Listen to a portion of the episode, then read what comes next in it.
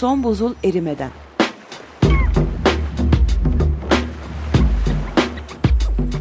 Küresel iklim değişikliğinin bilimsel gerçekleri üzerine.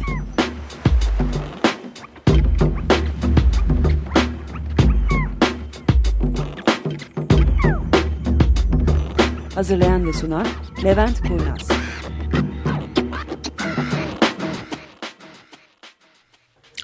Merhaba dostlar, bir programa daha hoş geldiniz. Ben Levent Kurnaz, Tufan benimle bugün. Merhabalar. Ee, şimdi her seferinde bu programa ilk defa başladığımızda bir 15-20 dakika erken geliyoruz. Ondan sonra erken gelme 10 dakikaya düşüyor, 5 dakikaya düşüyor. Şu anda neredeyse Jingle'la beraber girdik. Hazırlığımız da onun için birazcık tam yerine oturmadı. Garip laflar edecek olursam affola. Öncelikle biliyorsunuz e, Twitter hesabımızdan takip edip hatta program sırasında da e, bir şeyler yazacak olursanız buradan bakmamız mümkün.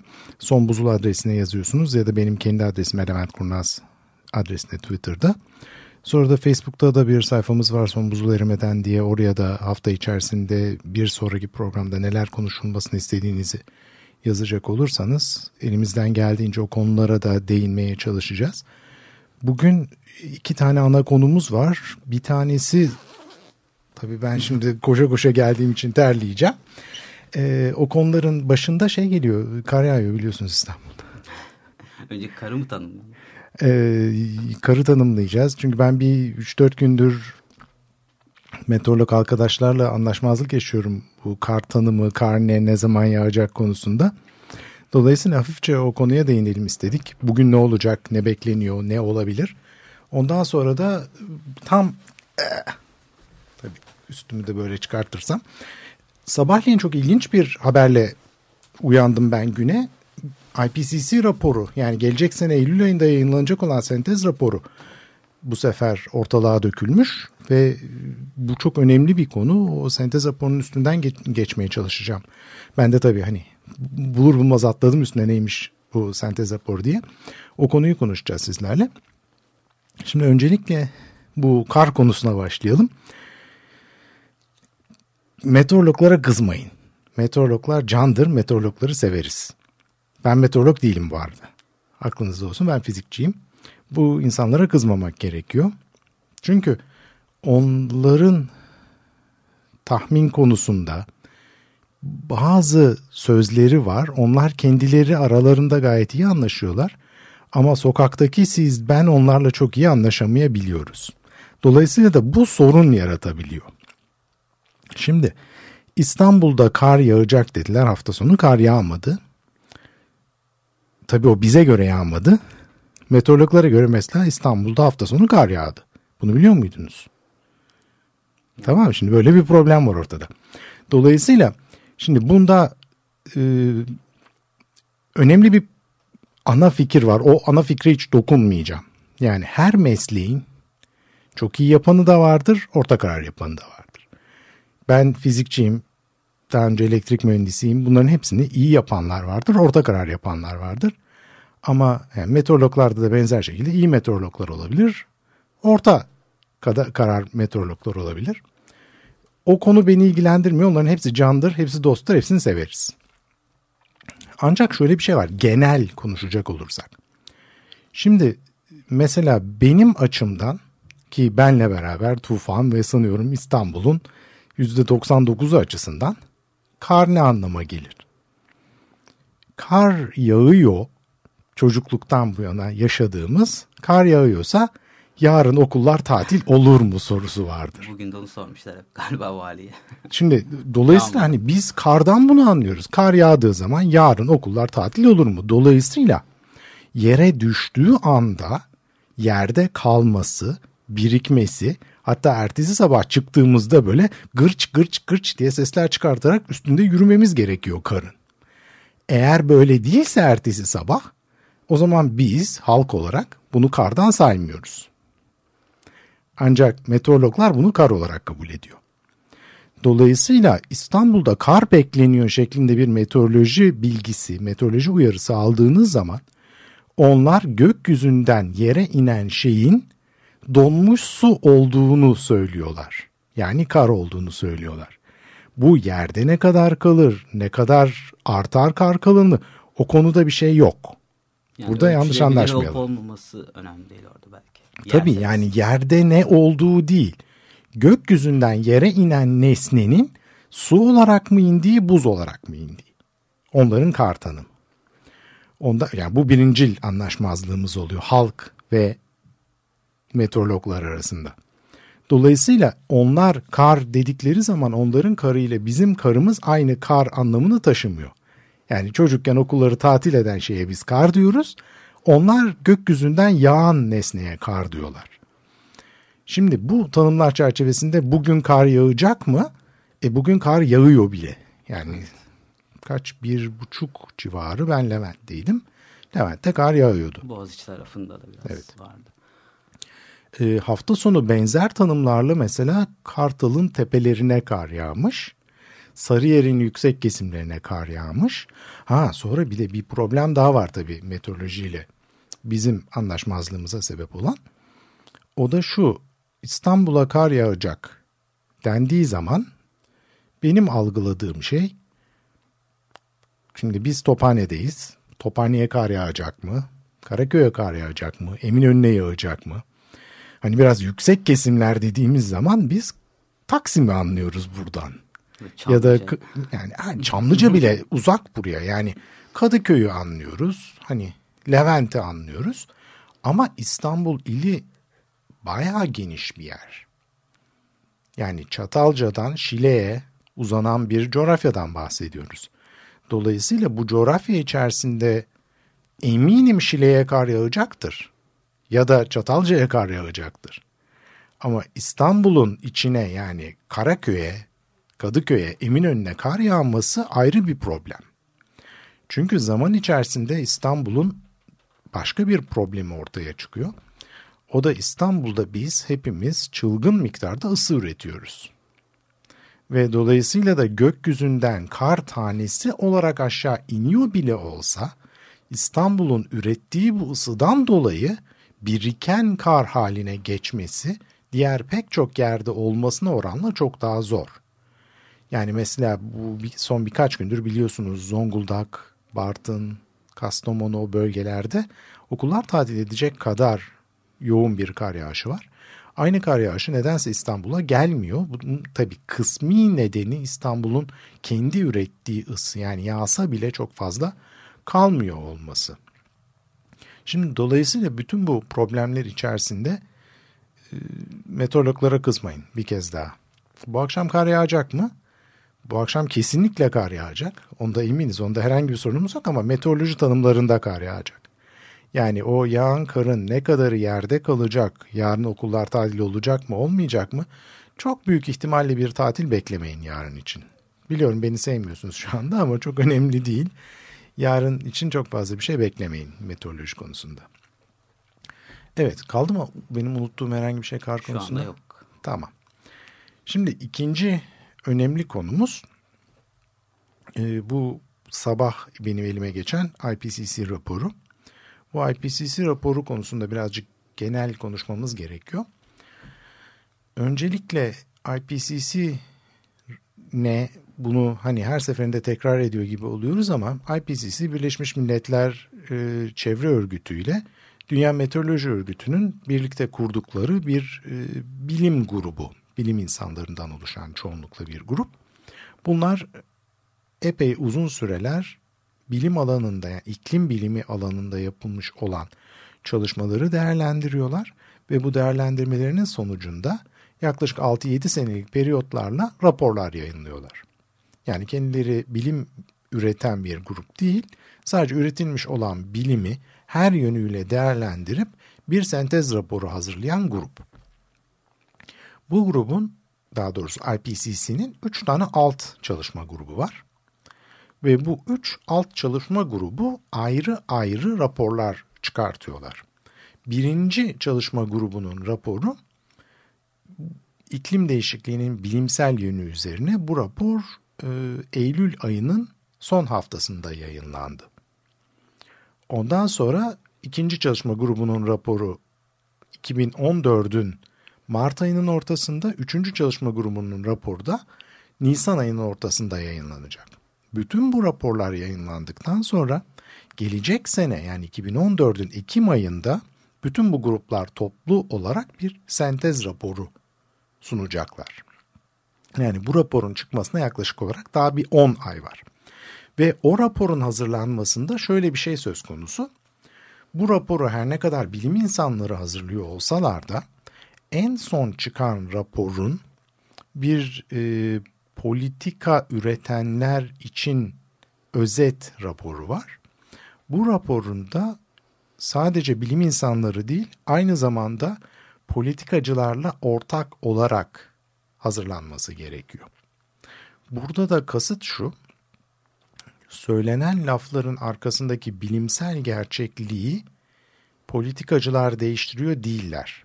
Ama bu rapor politikacıların anlaması için hazırlanmış olduğu için politikacılar burada onun nasıl anlaşılabil daha anlaşılabilir olabileceğine dair yorum yapıyorlar ve bu yorumlarda rapora ciddi etkide bulunuyor. Bu şu demek.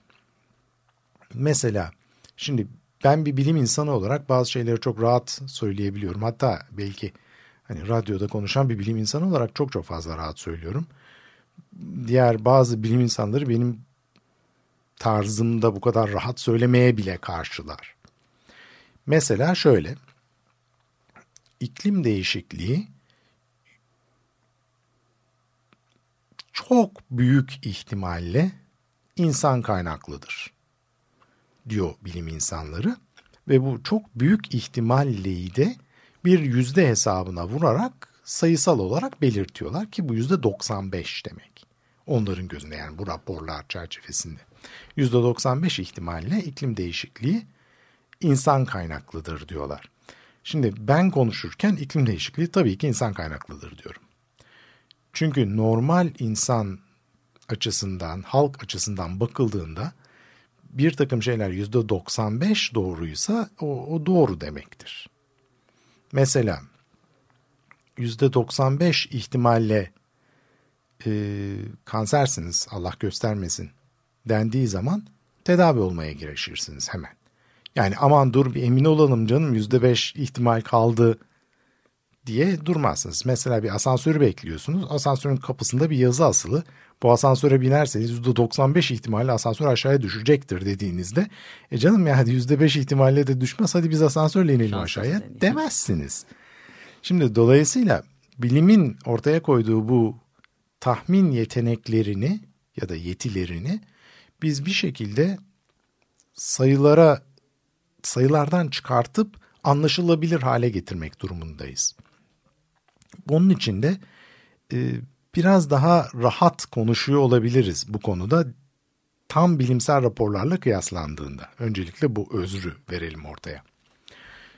E, ikinci problemimiz ha bir müzik arasına girebilir miyiz? Tamam o zaman biz bir müzik arasına giriyoruz. Bu sefer müziği de biz seçmedik yalnız geç kaldığımız için. Buyurun.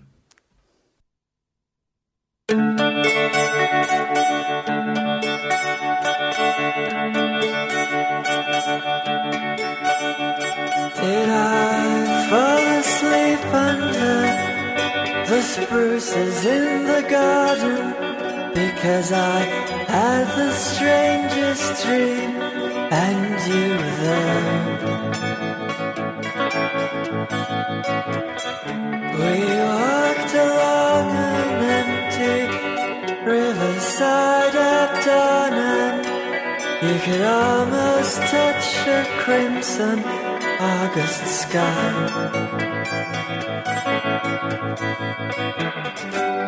I knew that I'd been there before, but when I reached out for you, the scene was changed, and then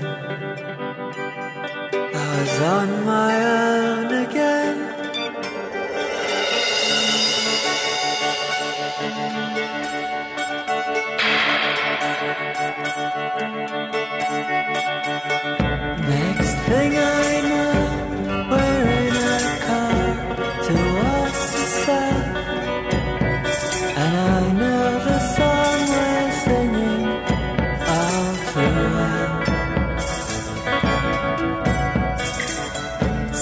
strangely close and at the same time far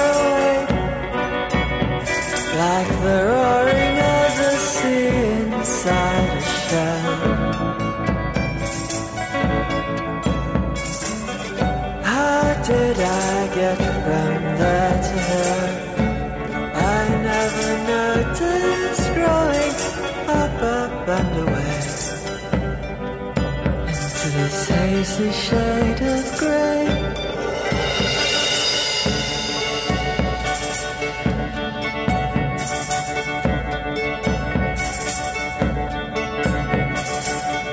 When I awoke, I felt raindrops on my face, and there were dark clouds piling up across the sky.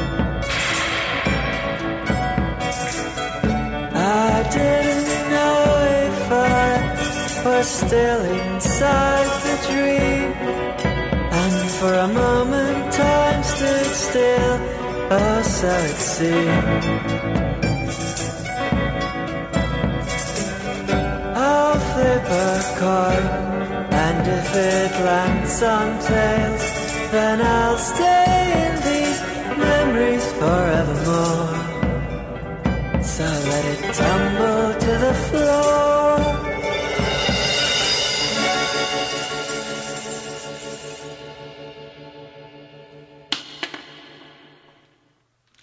Evet, hoş geldiniz geri.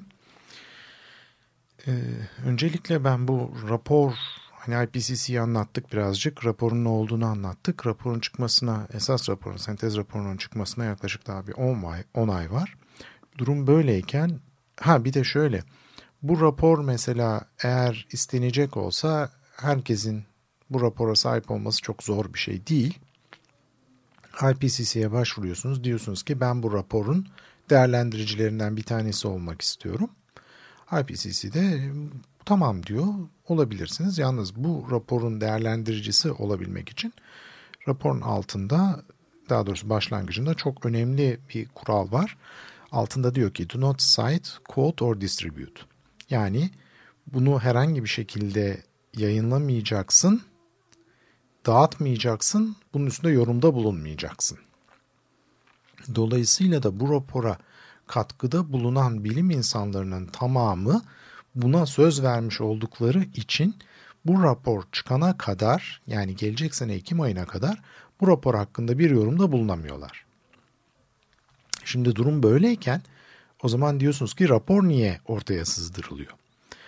Ortaya sızdırılmasının çok basit bir temel sebebi var bilim insanları bunu sızdırmayacaklarına ve bu konuda konuşmayacaklarına ve bunu dağıtmayacaklarına söz vermiş oldukları için buna katkıda bulunanlar rapor resmi olarak açıklanana kadar gelecek sene Ekim ayının sonuna kadar bu rapor hakkında konuşamıyorlar. Yani bu raporda olan bir tane herhangi bir şeyi savunamıyorlar, kendilerini koruyamıyorlar, raporu koruyamıyorlar.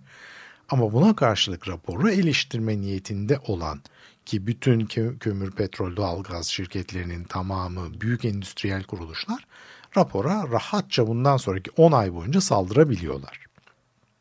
Şimdi durum böyle. Öncelikle bunu anlayalım. Yani bir tarafta e, tut denen bir durum var. Öbür tarafta saldır, meydanı saldır boş bulduk. meydanı boş bulduk tarafı var. Bu çok hoş bir şey değil. Şimdi ben ne yapacağım? Ben bu raporu bu sabah bir e-mail vasıtasıyla aldım. Bir WordPress adresinde bu rapor konulmuş PDF dosyası olarak.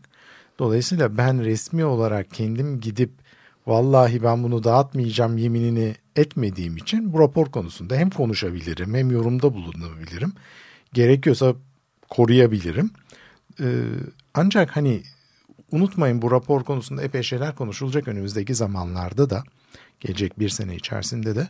Dolayısıyla bir bilmekte fayda var. Neyi konuşuyoruz, rapor ne, nereden geldi, niye bir takım insanlar saldırıyor ve niye bir takım insanlar bu raporu korumuyorlar?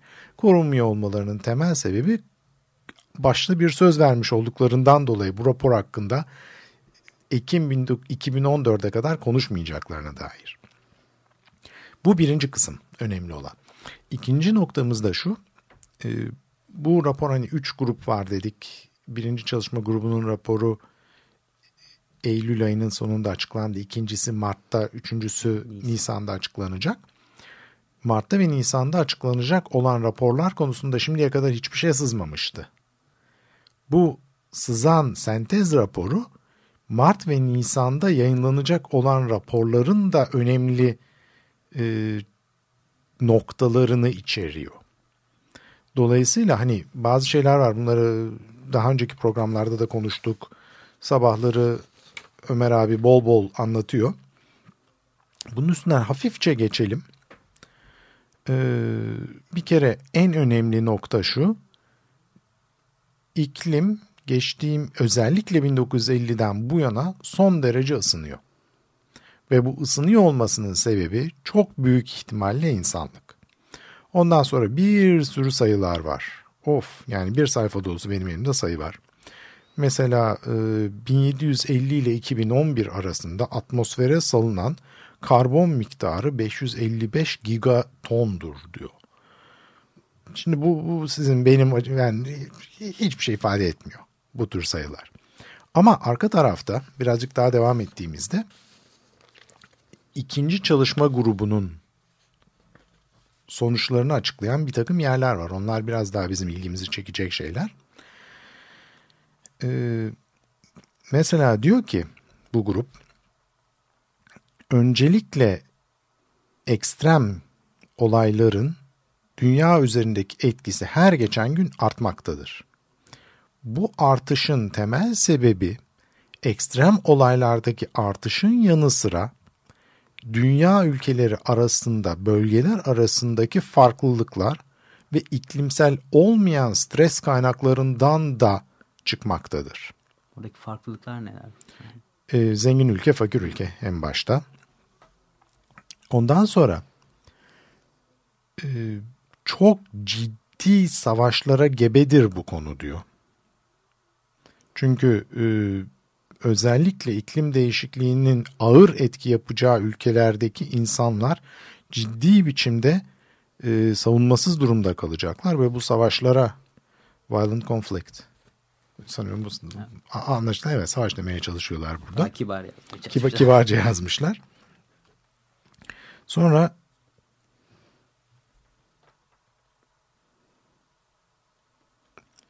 bir noktada hafif şüphe var. O bizim bu ilk baştaki kar konusuna çok yakın bir şekilde. O da şu mesela şeyi söyleyemiyoruz. Seller artacak diyemiyor bu rapor. Ama bu rapor diyor ki bir yoğun yağışlar artacak. İkincisi biz e, Miktat Hoca'nın hep dediği gibi sen, e, dere yatağına ev yapıyoruz bol miktarda. Yani iklim değişikliğinden zarar görecek insanlar her geçen gün iklim değişikliğinden daha fazla zarar görebilecekleri alanlara doğru kayıyorlar. Bu şu demek e, herhangi bir yerde bir kıtlık olduğu zaman insanlar deniz kıyılarına doğru gidiyorlar. Ama deniz kıyılarında deniz seviyesinin yükselmesinden dolayı yakın gelecekte bu insanlar daha fazla zarar görür hale gelecekler. Dolayısıyla da biz her ne kadar artacak diyemiyor olsak da seller insanlar sellerin daha fazla görüneceği yerde olduk olacakları için zarar görme ihtimalleri daha fazla artıyor. Burada kasırga boyutu vesaireler de var tabii. Kasırga boyutunda da esasında bir şey söylemiyor. Onları ben çok fazla almadım. Ee, kasırgaların bu hani konuşmuştuk kasırganın ne olduğu konusunda sanırım iki program önceydi. Kasırgaların sayısında ciddi bir artış beklenmiyor ve kasırgaların e, şiddetlerinde de ciddi bir artış beklenmiyor. Şimdi bu böyle denince tabii bu ilk başta hani tanım yaptım ya bana soracak olursanız kasırgalar artacak mı? Artacak. Şiddetleri artacak mı? Artacak. Sayısını aslında belki tek, çok net söyleyemiyoruz da o hani şiddetindeki artışı daha söylemek daha makul. Buradaki temel nokta şu. Kasırgaları besleyen şey atmosferdeki su buharı. Atmosfer ne kadar sıcak olursa denizler o kadar fazla buharlaşıyor. Atmosferde de o kadar fazla su buharı oluyor. Ne kadar fazla su buharı varsa o kadar güçlü kasırga oluyor. Dolayısıyla şu anda olmakta olan kasırgalar gelecek zaman içerisinde de artacak. Yalnız kasırgaların sayısı azdır. Yani bir sene içerisinde görülen büyük kasırgaların sayısı 2'dir, 3'tür, 5'tir. Dolayısıyla 2, 3, 5 gibi az sayıya dayanarak bir istatistik yapmak bilimsel açıdan çok doğru olmadığından bilim insanları çok emin değiliz diyorlar bunda. Ama arka tarafındaki fiziğe bakacak olursak evet kesinlikle kasırgaların bizim ülkemizde görülen şeylerin ne o? Fırtınalar mı? Ee, e, hortum. Hortumlar. Hortumların hem yerleri değişik olacak, değişik yerlerde görünmeye başlayacak hem de sayıları artmaya başlayacak. Dolayısıyla bunlar hepsi yakın vadede bizim karşımıza çıkacak şeyler. Sanıyorum bu haftalıkta vaktimiz doldu. Bir kez daha herhangi bir sorunuz sorununuz olacak olursa son buzul erimeden e, Facebook adresine aynı zamanda Twitter'da son buzula yazacak olursanız memnuniyetle sizlere cevap vermeye çalışırız. Çünkü iki haftada bir program yaptığımız için arası birazcık açılabiliyor. Dolayısıyla aklınıza ne geliyorsa, ne geçiyorsa herhangi bir şekilde size hafta içerisinde de yardımcı olmaya çalışırız. Tekrar görüşene kadar iyi haftalar herkese. Hoşçakal.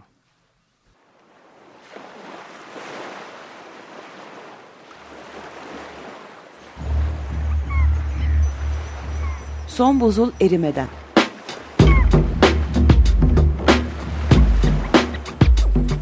Küresel iklim değişikliğinin bilimsel gerçekleri üzerine.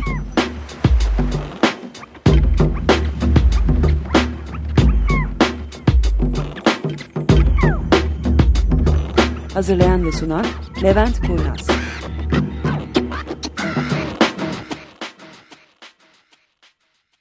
Açık Radyo program destekçisi olun. Bir veya daha fazla programa destek olmak için 212 alan koduyla 343 41 41